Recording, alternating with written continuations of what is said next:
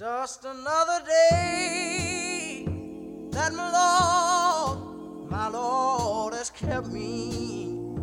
Yes, it is just another day that I've been in my Savior's care. Yes, it is. Wanna say He threw, He threw His loving Yes, He did. And there I found, I found peace and joy right there. Heil og sæl, kæru hlustendur. Við Halla Harðardóttir og Tómas Ævar Ólafsson heilsum ykkar hérðan úr Ljóðstofi Víðsjár 5. daginn 29. februar. Viðsjá hefst hér á læginu Just Another Day í flutningi bandaríska söngvarans Sam Cooke og hljómsveiturinnar The Soul Stirrers. Tilefnið er auðvitað hlaupástagurinn 29. februar sem er þegar öllu eru bótni kvöld eins og hver annar dagur. Og dasgrá Viðsjár á þessum venjulega degi Reyn Friðfinnsson, bókmyndavelun Evrópusambandsins, Eitruð Lítil Pilla og Íslensku myndlistavelunin.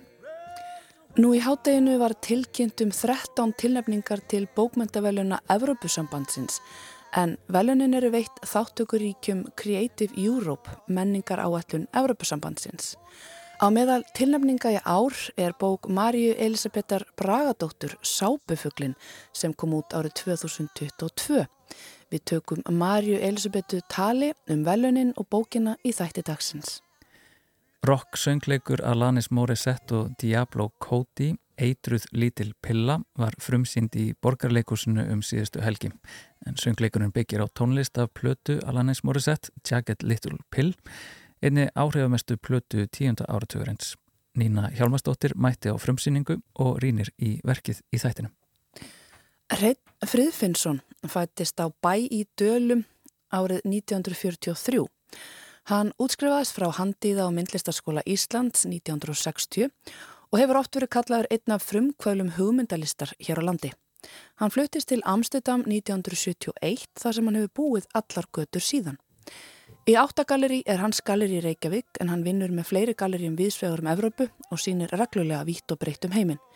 Hreinn sínir verkið Klett um þessar myndir í Ásmundarsal og við lítum þangað inn í þætti dagsins með styrmi Erni Guðmundssoni, myndlistamanni, sem vann um árabil með reyni í Amstedam. En við byrjum á gleði tíðendum því okkur hlotnast sá heiður hér í viðsjá að tilkynna hvaða listamenn eru tilnæmdir til íslensku myndlistavölunana í ár.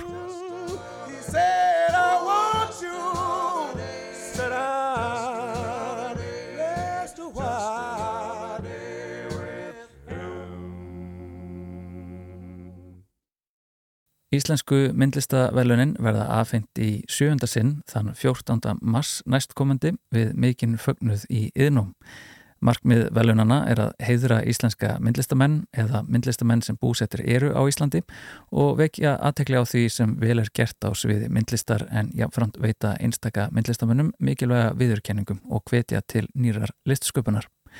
Alls eru fjórir listamenn tilnefndir í floknum myndlistamæður ársins og hlýtur sá sem er hlutskarpastur eina miljón króna í velunafjö og tilnefnd eru. Amanda Riffo fyrir síninguna House of Purkinje í nýlistasafninu. En þar samstillir Amanda ólíkar frásagnir á afar snjallan hátt, allt frá þekkingarfræði og ljósfræði í gegnum eigin reynslu sína af listtengdu bútasöms hagkerfi til gaggrýtnar skinjunar á samtímalistinni og gangverki þess. Samkvæmt domnend þótti House of Purkinje einstaklega áhugaverð síning sem virðist í upphafi vera hlje á uppsendingaferli síningar á meðan hvert smáadriði í glundróða slikra ferla er listaverk sem endur speklar á snjallanhátt vinnusið innan listheimsins og skapar breyttan veruleika þar sem hver hlutur er sviðsett útgáfa af sjálfum sér rétt eins og á kvikmyndasetti. Arnar Áskersson fyrir síninguna hreinsunar aðferðir í Neskirkju en þar mæta byrtingamindir hins fullkomna Karlmanns líkama bóðskap kirkjunar um hreinsun og aflaust. Samkvæmt Dómnend tekst Arnari í síningunni reynsunar aðferðir á einstakann hátt að samena vísanir og merkingu úr ólíkum áttum á óvendan og klókan hátt og kjarna samtal samtíma okkar um staðalýmyndir og hugmyndir sem krefjast endurskoðanar. Gerþrúður Finnbóðadóttir Hjörvar fyrir síninguna Vísitala í Ásmundarsal. Síningu sem að hverðist um fjármála umhverfið og fagurfræði þess. Þar síndi gerðrúður tvívið og þrývið verk sem vísa í útliti, efnis og litanótkun til myndmál sem gerðnan var notað á nýjönda áratug síðustu aldar í hönnun og framsetningu tölulegra skýringamynda hagfræðinar. Samkvæmt domnend tekst gerðrúði með einstökum tengingum sínum millir þekkt myndmáls og fagurfræðilegra útgangspunkta auk álitina spurningana um viðtaka merkingu hlutina í kringum okkur að skapa sér sitt eigið sem á sér sérstöðu í íslensku listalífi. Ólöf Nordal fyrir síninguna Figli í Ásmundarsal þar sem að þjóðsögulegar hefðir og menningararfur íslensku þjóðurinnar afhjúpa sig í skúltúrum. Fígurum sem eru einhvers konar blendingar mannfólks og fuggla líkt og síningartitillin gefið til kynna. Samkvæmt dómnend endur speklar síningin fykli kraftmikið vald Ólafar á skúltúrnum og að í þrýþættri innsetningu hennar skapist sterk frásögn, áhrifamikil upplifun sem færir áhörundur inn á óskilgreynd svæði hins viðkvæma og í sann gróteska í náttúrinni, tengslum mannsins við hana og eigið ímyndunarafl. Þetta eru þeir fjóri listamenn sem eru tilnæmtir í floknum myndlistamaður ársins en uh, þar að ekki eru þrýr upprennandi myndlistamenn einnig tilnæmdir til kvartningavelluna og hlítur sá sem vinnur 500.000 krónur í verðlunafjö. Og tilnæmdi eru Almar Steinn Allarsson fyrir síninguna Almar í tjaldinu Brák Jónsdóttir fyrir síninguna Möguleg Ægslun og Sara Björg Bjarnadóttir fyrir síninguna Tvær eilifiðir á milli 1 og 3. Já, og við hér í Vísjá óskum öllum tilnæmdum listamennum til hamingju og lökkum til frekara samtals við þau í náinni framtíð. En þá yfir í annars konar velun.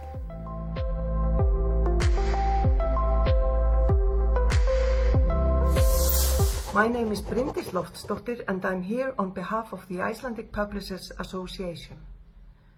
Sápufuglin or The Soap Bird by Maria Elisabeth Bragadóttir Bryndís Loftsdóttir, framkvæmdastjóri félags íslenskra bókaútgefanda tilkynir hér tilnefningu Íslands til bókmenta veluna Evrópusambandsins en tilkynning þessi barst nú í hádeginu. Að þessu sinni er það bók Marju Elisabetar Bragadóttur Sápufuglin sem hlýtur tilnefninguna en hún samanstendur af þremur smásögum sem samkvæmt lýsingu Bryndísar kunna verðast yfirvegar en undir yfirborðið þeirra krauma óuppgerðar tilfinningar vegna skorts persóna á hugrekki og vanhæfnið þeirra í að hafa stjórn á eigin lífi. Tekstinn er lipur og getur valdið lesanda óþægendum.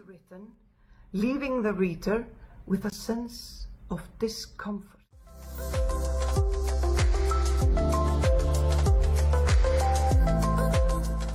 Að gefnu tilefni bauði tilnefningar hafanum í stutt spjall um bókina og velunin hingað í hljóðstofu Viðsjár. Marja Elisabeth Bragadóttir, velkomin í Viðsjá. Takk fyrir. Og til hafingju með tilnefninguna til eh, bókmyndaveluna Európusambandsins. Takk fyrir kjærlega. Og uh, þessi velun verða veitt núna í í Brussel mm -hmm. í apríl mm -hmm. á bókamessunni þar og uh, það eru velun en það er tilnæmt frá 13 ríkjum í ár innan sambandsins mm -hmm. um, hvenar fyrstu þessar frettir og, og komenda þeirra óvart? Það eru kominar alveg nokkrar vikur síðan eh, kannski bara mánuður, þetta var lók janúar og þetta komur alveg ótrúlega mikið á óvart en þetta bara fárunlega gleðilegt og mjög hamingisum og hissa og þakklátt og já, bjóst ekki neitt við þessu og náttúrulega líka svolítið síðan bókin kom út mm -hmm. og svo er hún lítil og stutt hundra blæsir og bók með tvö þannig að þetta var bara alveg æðislegt Einmitt, já, þetta er svona, maður býst svo oft við þessum stóru dóðröndum einhvern veginn mm -hmm. sem eru innbundnar og í fallegum kápum og einhverja svona episkari skáldsögur, Já. við erum alltaf svolítið skáldsagna þjóð hérna Einmitt. en, uh, en það var mjög skemmtilegt að fá þessar fréttir og, og, og sérstaklega því að þetta eru mjög skemmtilegar sögur í er hérna, þær heita til hamingjum með ammalið sápufuglin og dvergurinn með eirað Mhm. og það er svona er allar að, já, að glíma við kannski svona tengsl, tengsla leysi eða, eða miskilning að einhverju leiti Mhm. uh, dvergurinn með eirað fer þetta svolítið svona langt uh, í sína átt, hún er eiginlega alveg sjálfstæð. Svo kemur bókin út hjá Unu útgáfhúsi í Mhm. einmitt, litlu prenti uh, svona samferða Brynju Hjálmsdóttur leikriti frá henni Mhm. um, og þetta lítur kannski smá út fyrir að ætla að verða svona seri af litlum bókum frá Já. útgáfhúsinu. Mhm. Hvernig rata þessar sögur í þessa útgáfu? Já, ég, þetta er mjög góð spurning og ég var bara ekkert vissum að þessi bók ætti að koma út, ég var að skrifa aðra bók en svo er, er maður kannski ofta að skrifa eitthvað nokkra hluti í einu og vinna í nokkrum, nokkrum verkum einhvern veginn og já, þannig að sápufuglin var eitthvað sem ég byrjaði að skrifa bara svona mér til gamans eiginlega. Og eitthvað sem að væri auðvelt að skrifa. Og en svo náttúrulega var það ekki þannig, það var líka alveg svolítið erfitt að skrifa, skrifa þessa bók. Og ég var satt best að segja frekar óurug með þessar sögur og alls ekki vissum að það ætti að koma út sérstaklega líka bara eitthvað hvernig ætti maður einhvern veginn að af hverju ætti einhver að gefa út bók sem að væri bara þrjár sögur, svona lítil bók skiluru, en það var bara einarkári útgefandi minn sem að var alveg viss um það og vildi hérna kominu út þannig að þetta er honum að kenna sko. Og hann hefði svo mikla trú á þessum sögum og á mér sem er náttúrulega bara eðislegt þannig að hérna þannig kom það eiginlega til. Og hann var með þessa hugmynd að, hann var með alls konar hugmyndir og er reyndar alltaf með alls konar hugmyndir um með þetta að gera, gera bara svona litla bók og hún er það bara mjög ódýr ódýrt að, ódýrt að prentana og hún er það ódýr í búðinni og eitthvað svona. Og einmitt að við varum að gefa henni út um sumar þú veist, hún átti ekki að vera hlut af jólabókaflóðinu. Þetta var ekki einhver, einhver þannig bók. Mm. það átti bara að vera einhver svona bók sem fólk geti kift með sér í búðinu og stungi í rasvasan einhvern veginn. Mhm. Sem að mér fannst rosalega skemmtileg hugmynd Einmitt. Og uh, mér fannst hún samt á sínum tíma Mhm. fara svona ágætlega hátt, uh, það var tekið Já. eftir henni og fekk góða dóma. kannski að því að hún var svona, þú veist, ég var svona einum hituna einhvern veginn að mörgu leiti, þú veist, þetta var náttúrulega sumar og þú veist, svo kemur jólabókaflóðið og kannski ef hún hefði komið út í, um jólinn þá hún kannski druknaði í flóðinu, það geti alveg verið.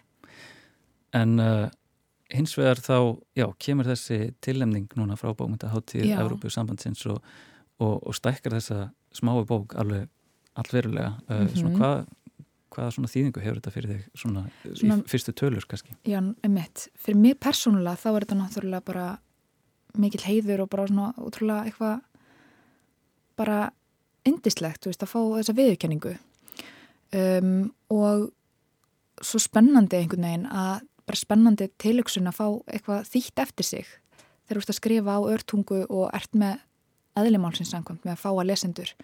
Að fá nýja lesendur er magnað þó svo að það sé náttúrulega bara líka eðslilt að skrifa fyrir íslenska á íslensku og fyrir íslendinga sagt, þá er þetta samt bara alveg, það er líka magnað sko. Já, búa, búa til bara einhver, einhver ný, ný tengslu eitthvað, það er líka svo spennandi. Ég er mjög spennt bara að fara á þessu bókamessu í Brussel, Mm, það sem velun er, er það sem velunin eru veitt og ger mér enga vonur um að fá þessi velun en það er bara stórkvæslegt að fá þessi, fá þessi tilnefningu Mhm. og í rauninni svona kannski bóðsmiða í, í þetta samfélag þannig í, á þessari bókamessu í Brussel. já, og þetta er bara svo ótrúlega óvænt einhvern veginn, tveimur árum síðar og ég bjóst bara ekkit við þessu En já, hún er í þýðingu þá uh, Mhm. yfir á ensku. já, Uh, hvernig finnst þér að sjá einhvern veginn textabókarinnar færast yfir? Sko það er ótrúlegt. Hérna, um, sko Larissa Kaiser er náttúrulega frábær þýðandi og þýði mjög mikið eftir íslenska höfunda og hefur alveg þýtt nokkrar smásögur eftir mig nú þegar. Og hún var til og með spúna þýða dvergin með eirað og er núna bara að vinna í að þýða uh, miðjusöguna sem er titilsagan og lengsta sagan um, og hún leiði mér að sjá svona sínishorn fyrir nokkrum vikum og það var ótrúlega flott. Og hún næri einhvern veginn alveg andanum og tóninum og ég meni ég gæti aldrei skrifað þennan texta á ennsku þannig að það er alveg æfintilegt að sjá þetta. Og dýrmætt. Og en ég veit ekkert hvernig það væri ef það væri einhver annar þýðandi. Mér finnst hún bara, kannski hef ég bara mikið smekk fyrir henni. Síðan uh, þú minnist á að þú hafi verið að vinnað öðru verki mm -hmm. en að, að sápufuglinn hafi svona komið um, til hliðar við það. Um, erum við að fara að sjá eitthvað frá þér svona á, á næstunni? Sko allavega ekki það verk því að ég stakk bara því verki í skufuna en ég er að vinna að, hérna, að bók núna. Og ég veit ekki hvernig hún kemur út. Ég er alltaf eitthvað að lofa upp í erminna á mér með það. En mér langar mjög mikið bara að klára það sem fyrst. Og hérna af því að það er bara svo skemmtilegt og gott og góð tilfinning að klára eitthvað. En fyrst og fremst náttúrulega vil ég bara skrifa eins góða bók og ég mögulega get svo ég er að vanda mig en þetta er allt að koma sko. Mm. en það er allavega það sem ég er að gera núna. Ég vil ekki setja pressa á þig en bara ég hlakka, hlakka til að lesa hana. Já, bara, takk hella fyrir. Marja Elisabeth, takk hella fyrir komna í Vísjum Takk fyrir að fá mig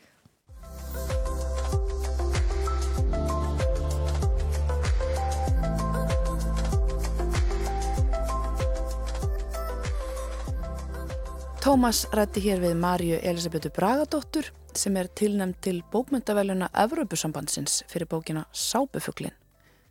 Þá fyrir við í leikúsið með Nínu Hjálmarsdóttur. Mary Jane Healy, leikin af Jóhannu Vigdísi Arnarsdóttur eða Hönsu, situr í stofunni sinni á fína heimilinu sínu og skrifar jólakort til aðstandenda á meðan við sjáum fjölskylduna hennar að aðtapna sig í bakgrunninum.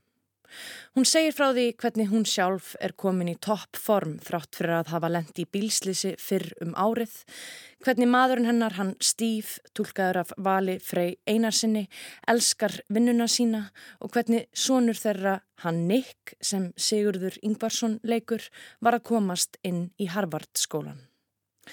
Mary Jane segir frá því hvað Franki, dóttir hennar, sem Aldís Ama Hamilton tólkar, er svakalega listræn og eigi svo góða vinkonu sem hún sé einmitt að föndra með í herbygginu sínu. En þegar Híli sleppir orðunum sjáum við hvernig Franki og vinkonan Joe fara í hörku sleik, augnablík sem kýtlar hlátur taugar áhörenda. Þarna í upphafsennunni á eitraðri lítilli pillu sem var frumsýnd um síðustu helgi í borgarleikusinu er eitt af þemum verksins afhjúpað áhörendum, tókstreitan á milli þess að viðhalda fullkominni ímynd út á við og skauta yfir hið raunverulega sem kræmar undir neðri. Söngleikin Eitruð lítil pilla skrifaði bandarískiri töfundurinn Diablo Cody en hún er meðal annars þekkt fyrir kvikmyndina Jennifer Spotty frá 2009 en sönglingurinn var hennar fyrsta framleiðsla á Broadway árið 2019 og vann meðal annars Tony-verlunin fyrir besta söngleikja handritið. Tónlistin er af frægri hljómblötu Alanis Morissette frá árinu 1995 og það er magnað að sjá hvernig hægt er að laga tólkun tekstana að hvaða efni við sem er. Morissette var að skrýða upp úr táningsárunum þegar hún samti plötuna en söngleikurinn fjallar að mestuleiti um raunir úlinga í Connecticut í bandaríkunum í nútímanum. Ofur mamman hún Mary Jane Healy er þó líklega stærsta hlutverkið sem Hansa leikur af miklum krafti með sinni stórkostlegu söngrött og er ljúft að sjá hana aftur á sviði eftir um áratugs fjárveru.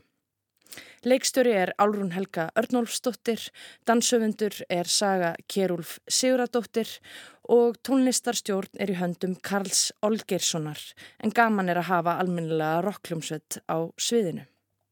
Þýðingin er eftir þá Ingolf Eiríksson og Mattias Tryggva Haraldsson og var hún ágætt á köplum en þó helst til formleg og ótrúverðug fyrir minn smekk.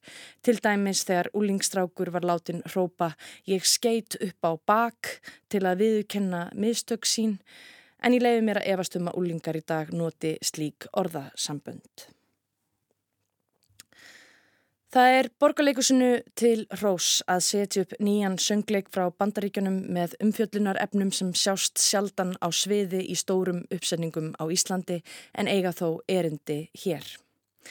Verki er eins bandarist og það gerist og tikkar í nánast öll mannrettinda bóksin.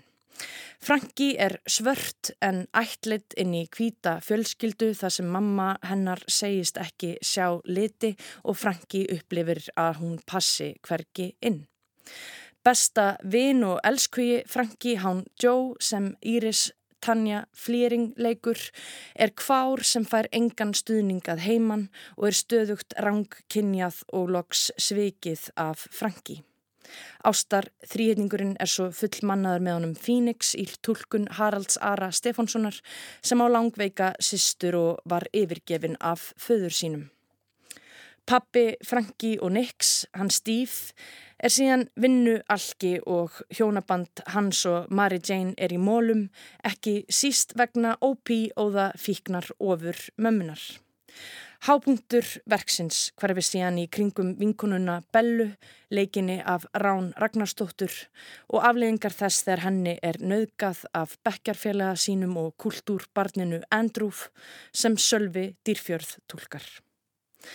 Mætti því segja að hér sé eins konar forvarnar leikrit sem fylgir þeim einfalda kapitalíska bóðskap að ef mann fær bara að vera mann sjálfur og tjá tilfinningar sínar hömlu laust þá verði allt gott að lokum en lokalægið lifum, lærum, kjarnar þetta vel fyrir áhörundum.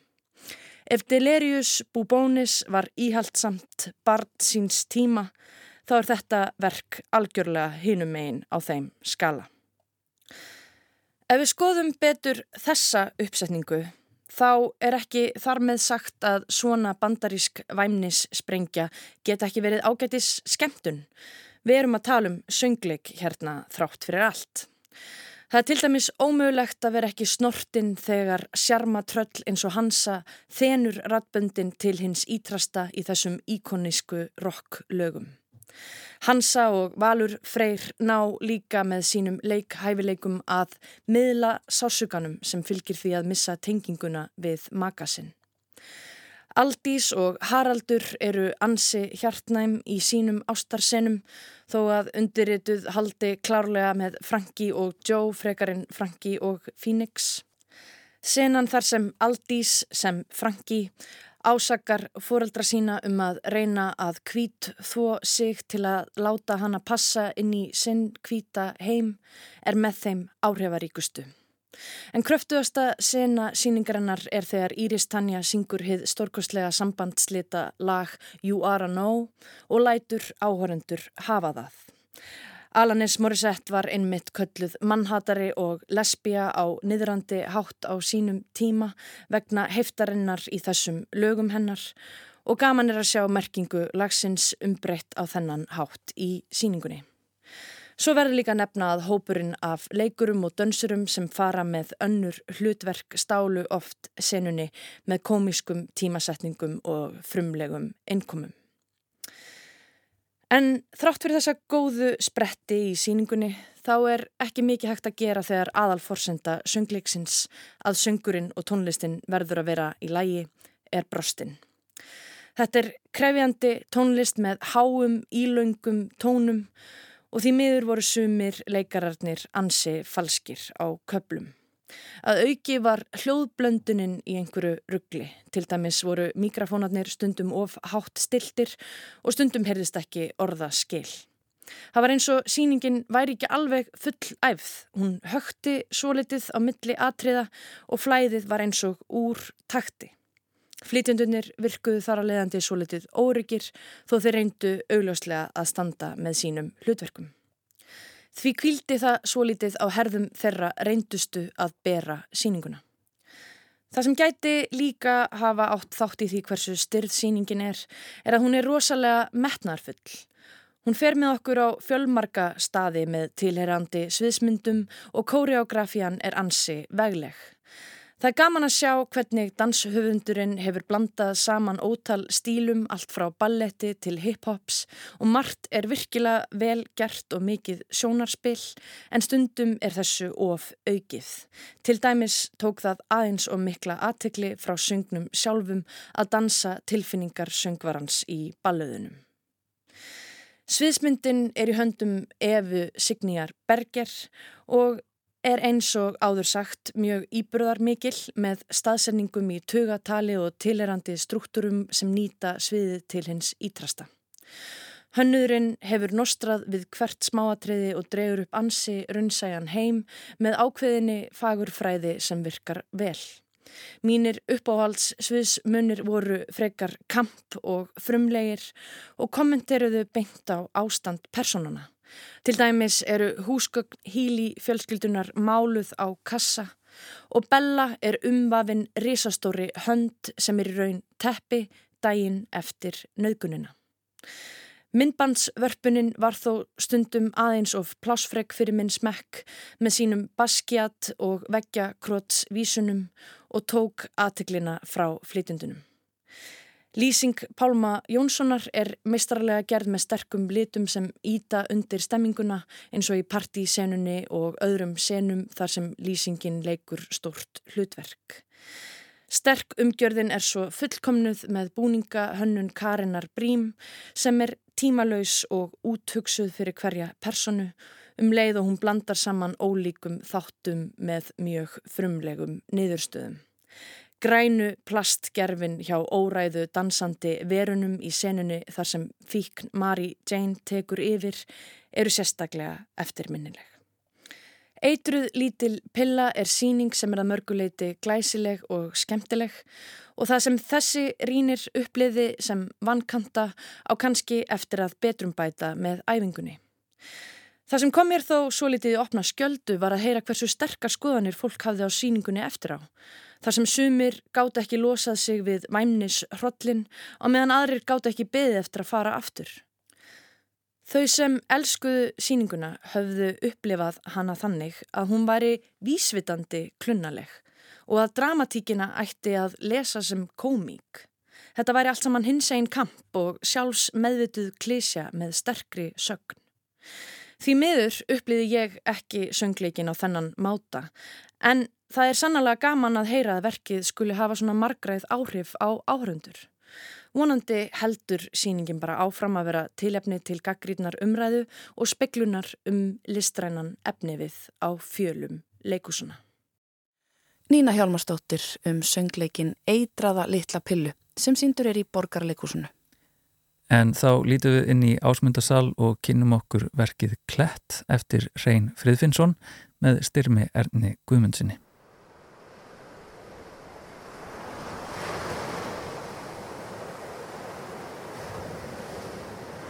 ágætt að geta þess að, að hendur er tölvöld gegnum gangandi í mínum verkum.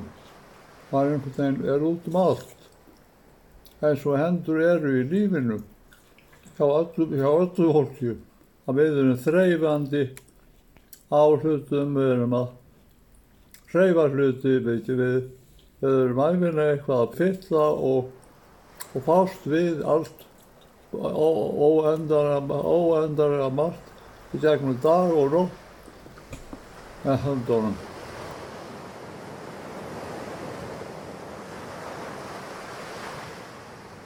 Reit Friðfinnsson ræðir hér verk sitt klett þar sem að gefur að líta ímis fyrirbæri sem hafa verið gegnumgangandi í verkum hans nær alla tíð. Hendur eru þar á meðal. Hér er hreitn að svara spurningum frá ásmundarsal þar sem að verkið klettur er til sínis um þessa myndir. Spurningunum svarar hann yfir hafið í gegnum aðstofamann sinn, Hrafnildi Helgadóttur, sem hefur unnið náið með hreini síðust ár. Klettur er innsetning sem var fyrst sett upp í Berlín 2017. Verkið er samansett úr brúnum papakössum sem mynda landslag sem sjávaröldum er varpað á. Í landsleginu leynast svo ólíkir hlutir sem sumur hverjir eiga það sameinlegt að innihalda einn gullna spíral Fibonaccis.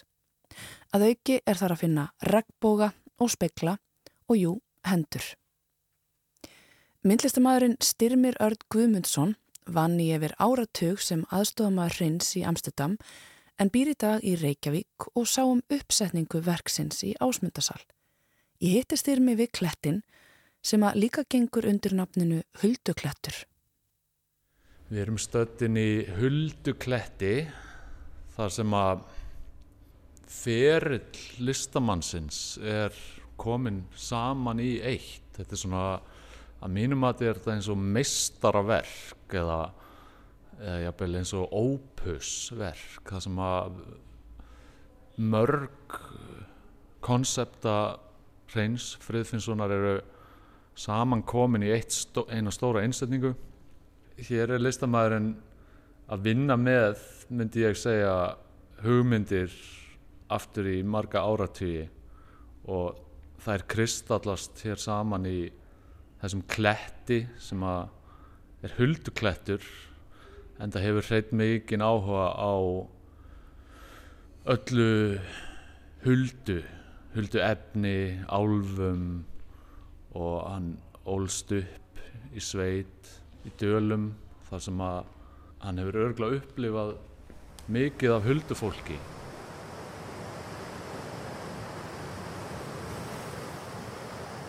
Reit Friðfinnsson fættist á bæ í Dölum í februar 1943 og fagnaði því nýverið 81 ás afmæli.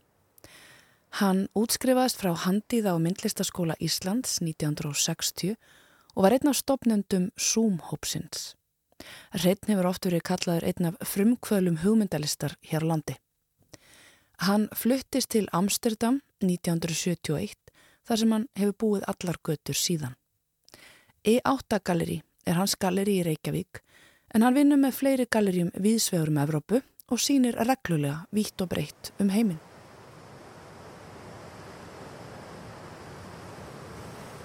Við erum líka hér með, uh, já þetta er allt úr pappakössum sem er svona efni sem er svolítið svona signatúr efni fyrir hrein fyrir Finnsson.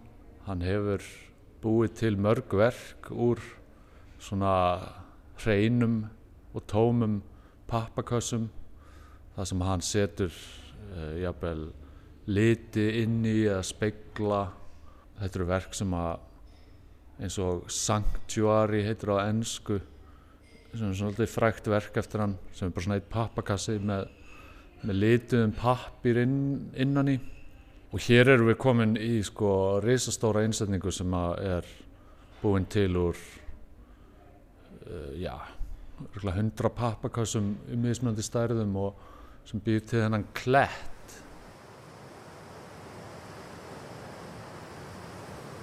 Og hér er eitt mjög merkilegt verk sem að uh, vittnar í líka svona frekar stertverk eftir hrein sem að kallast per eða, eða par.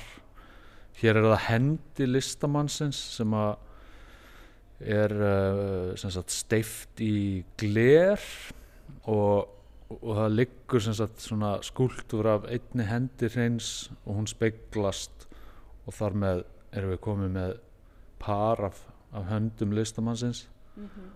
Hann hefur einmitt líka notað hendur og hendunar og sér mjög mikið Já. í verkum bara alltaf og meðal annars hér held ég, hérna mm -hmm. hér er hann með hendurnar sínar að, að fanga uh, ljósið.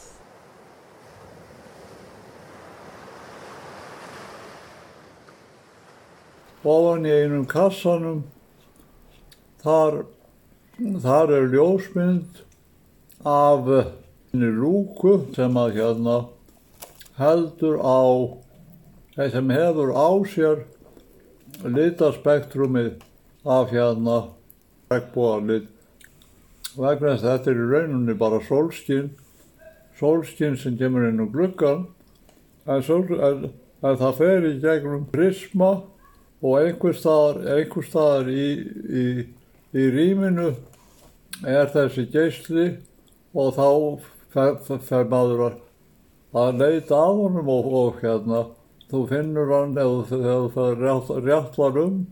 Ástæðan er svo að ég vil langar til þess að, vei, að veiða hann í, í hendurna.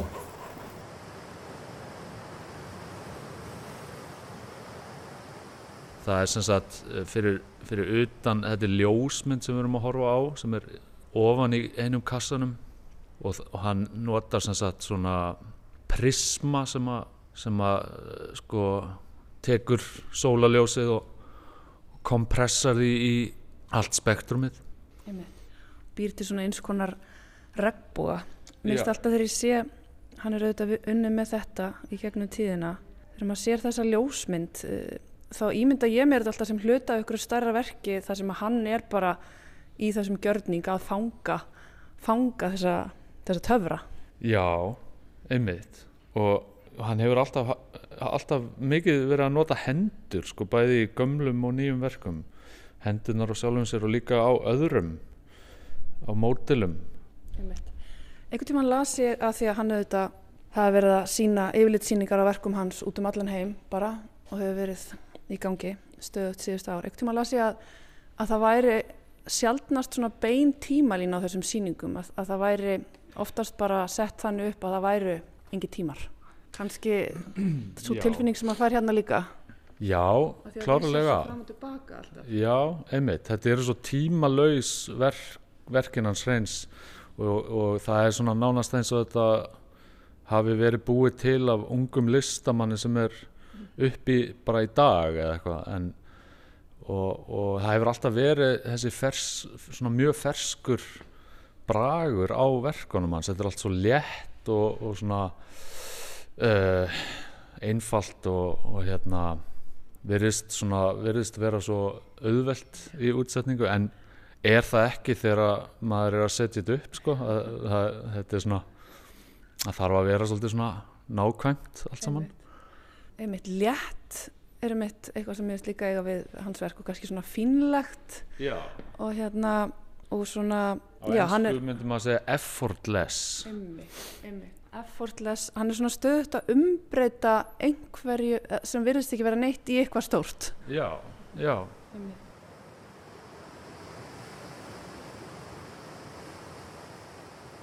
já, það var eftirminnilegt að því þegar ég og kona mín Agatha Mitskevits settum þetta upp í fyrsta skipti í Berlín árið 2017 uh, að þá vorum við svo mikið að reyna að fiska úr reyni einhvers konar myndbyggingu á hulduklettinum og vorum meðal annars að búa til pínulítil módel með svona litlum kössum og, og láta hann reyna að fá hann til að, að hérna, smíða klettin en það gekk ekki sko en það er er það svolítið þannig að hann bara svona uh, varpar konseptum og, og ljóðrænum hugmyndum á mann og svo treystir hann bara fólkinu í kringum sig til að að gera rétt og, og, og það er þetta tröst sem að er mjög uh, mikilvægt fyrir hann og þá sem að vinna fyrir hann og þannig að við Agatha gerðum bara þennan klett út frá hans svona út frá, já, út frá hans leikstjórn. Styrmi, nú sjáum við hérna það sem við sáum ekki alveg í byrtun áðan hvernig vatnið gárast á kössunum. Já, það er nefnilega stór partur af verkinu er, er, þess, er þetta vídeo sem að byrtist af og til og í vídeoinu eru, eru öldur og rót og, og svo sé maður sko öldurnar svona fara í þessa Fibonacci spírala og, og hérna og það varpast svona á klettin bara svona stundum sko og, og hérna og það er fallegt líka hvernig það speglast í rýminu að það er svo mikið að speglum í verkinu að, að þá sér maður sko vídeoið speglast á gólf og upp í loft og einmitt. Og þessi speglar vekja þetta líka upp eitthvað svona hugreiningatengsl við vatnið. Já, við vatnið og við huldu heiminn líka.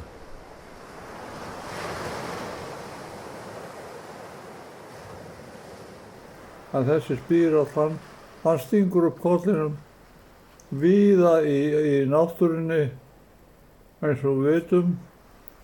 Og ef og það, það má sjá þarna í þessu verki að hann geng- gengur í gegnum þetta allt saman.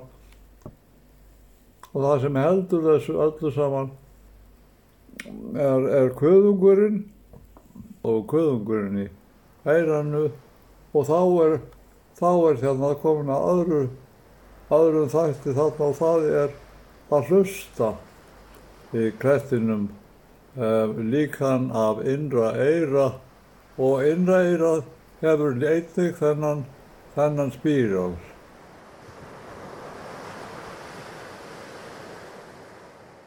Hvernig myndir þú svona, því að nú þú þekkir verkinn hans vel og hefur unnið með hann lengi, eh, hvernig myndir þú sjálfur svona lýsa hans höfundar engjanum? Góð spurning, sko hann hann er náttúrulega með ótrúlega uh, áhugavert uh, vinnulag og það er að hann hann er svona eins og leikstjóri eiginlega og hann situr heimi á sér og skipar á mjög vinsamlegan hátt fólki kringum sig uh, sem fer út kannski í búð og kaupir eitthvað efni sem hann hefur áhuga á og svo, svo skoðar hann það að meðan maður fæði sér kaffi eða dinner með honum og svo bara svona ægslast hugmyndirnar hægt og rólega og, og svo ringir hann eitthvað út í bæ og ringir í kannski eitthvað eðlisfræðing og tjattar við hann um hérna, svarthól eða eitthvað. Og svo bara svona er hann svolítið svona eins og ljóðskáld sko, svo bara ljóðin hans eru samt sko skúldur eða tvívíðar myndir eða eitthvað svoleiðis og hérna hann, hann bara svona blandar einhvern veginn þessu öllu saman í eitt hérna um, en hann er, já eins og ég segi sko, hann er algjör meistari bara í því að leikstýra úr sínum stóli myndlistinni, hann, hann er ekki kannski beint að sjálfur að, að höggva eða saga eða teikna heldur heldur, heldur færan mikið ungt fólk sem er, sem er í kringum hann í Amsterdam til að hjálpa sér og, og, og leifir líka aðstofa fólkinu að leika sér og, og skapa og svo fangar hann svona einhver einhverja töfra og móment sem verða til í ferlinu og það ægslast út í listina sem að er samt með rosalega rosalega sterkan signatúr maður sér strax uh, að þetta er verk eftir hrein. Þannig að hann er með svona rosalega stert handbragð þó að hann sé kannski ekki sjálfur að móta þetta í sínum höndum. Mm -hmm. og svo er svona ákveðnar hugmyndir og, og svona element og hlutir eins og tölum máðan hérna sem eru hér til staðar sem hafa verið gegnum gangandi og byrst, byrtast alltaf aftur og aftur. Og kannski er það eitt starkast elementi hérna sem er þessi áhuga á starffræði bara og undrum alheimsins, þessi Fibonacci tölu, hvað segir maður, Fibonacci Þetta er talnaruna sem að starffræðingurinn Fibonacci komst að og talnarunan er sem sagt 1 pluss 1 er 2 og 2 pluss 1 er 3 3 pluss 2 er 5 5 pluss 3 er 8 og þar eftir framöftir og þessa runu er hægt að útsetja í uh, línu eða svona spíral sem að sést í einu verkinu og, og úr því verður líka til gullin snið sem sem að er náttúrulega mjög merkilegt konsept og hrein, hann er bara svona að busla í þessu öllu saman á svona mjög skemmtilegan og ljóðræðan hátt mm -hmm. Ekkert um hann heyrði orðið um, út af hann þetta að busla í hugmyndalist en ekkert um hann heyrði orðið hérna magic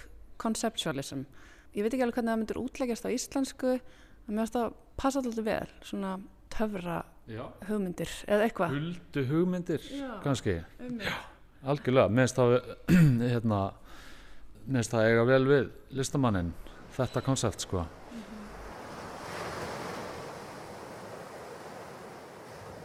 En hérna styrmir, svona að lókum það langar með auðvitað að nýta tækifærið og fá meiri insinn í, í þessa vinnustofu sem að í þessa veröld hreins í Já. Amsterdam sem Já. að þú auðvitað tókst þátt í uh, í hvað? Áratug? Já, uh, ég held að það hefði verið svona áránum 2006 til 2016 þegar ég flytti frá Amsterdam þá uh, vann ég sem sagt sá ég svona um vinnustofuna hans og, og fór út um alla jarðir að setja upp síningar fyrir hann og og var svona og arkivera og all, bara allan pakkan sko og hérna og það var eh, ótrúlega gefandi sko þetta var svona eins og alvöru svona, mast, svona meistara nám eða svo leiðis og það er líka bara svona viðhorfið sko sem að maður læri mest af eins og hjá honum. Hann, hann er svo hann er svo rólur, maður er mest allan tíman bara eitthvað að, að drekka kaffi og, og borða herramanns mat með honum og ræða það bara allt mellir heimins og jarðar og svo verða verkin bara einhvern veginn ósjálfrætt til og, og meðist það mjög svona fallegt hvernig eh, eins og ég segi sko það, er svona eh, hvað, hvað segir maður í íslensku? Effortless það hérna hvernig þið eru það? Já, við vorum einmitt að nota þetta orða áðan. Um, eitthvað sem að flýtur áreynslulust svona, áre, já, svona áreynslu leysið Já. sko, sem að sem að er í öllu ferlinu en svo er þetta samt algjört hérna vesen oft að búa þessi verk til að því þau eru svo einföld og það má ekkert má ekkert rispast eða þú veist og hérna þannig að hérna já Herðu, og hvað tók við hjá þér eftir Amsterdam? Þú fórst til Berlínar og ertu Já. núna komin til Íslands? Eða? Já, eftir Amsterdam þá flutti ég til Varsjá í Pólandi og bjóð þar í nokkur ár og svo flutti ég til Berlín og, og nú er ég loksins eftir 20 ára útlegð fluttur til Íslands með fjölskyldu mína og við erum mjög ánað að vera hinga komin. Komin inn í á kafi reikvísku listarsemluna aftur sem Já. höfður auðvitað alltaf verið í tengslum virindar en Já, já, Einmitt. og er svona bara að koma mér hægt og býtandi fyrir hér sko, þannig að mjög ánægilegt að vera komin til Íslands, það er allt svo eitthvað svo rólegt hérna, finnst manni sko.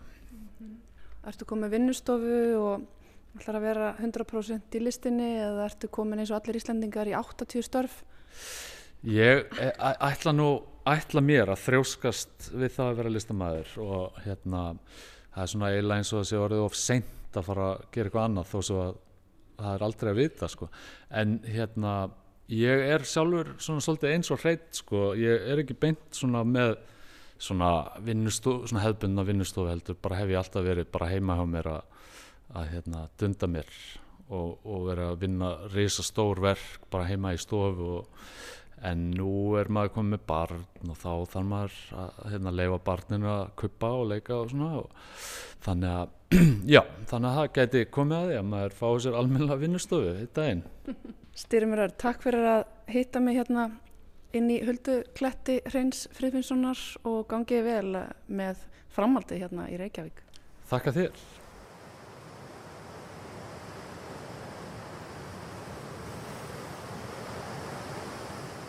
Út er þú við eigjar blár, eger sestur að drengum. Blóminn fagur hvenna glár, kalla ég til þín löngum.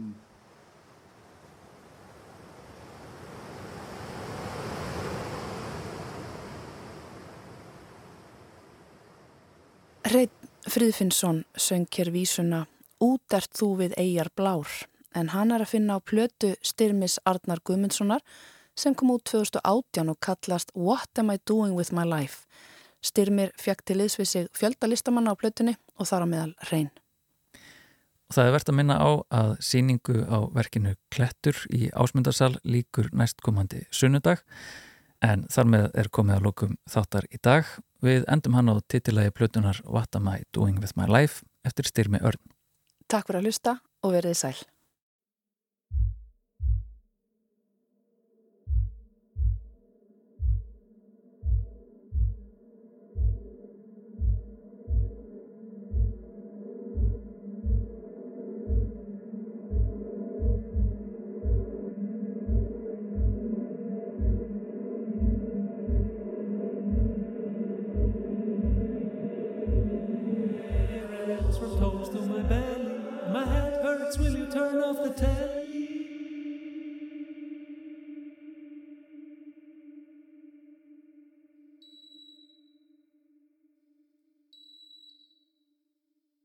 Pain stings, I feeling a bit naughty. My mood swings, I say good nighty nighty. I smoke yellow, red, blue.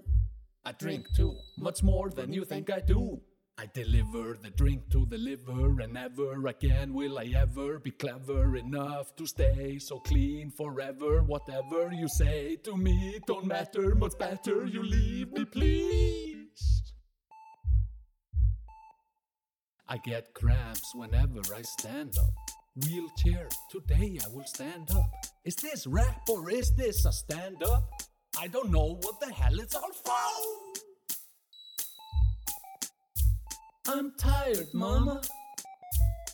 Please don't wake up me.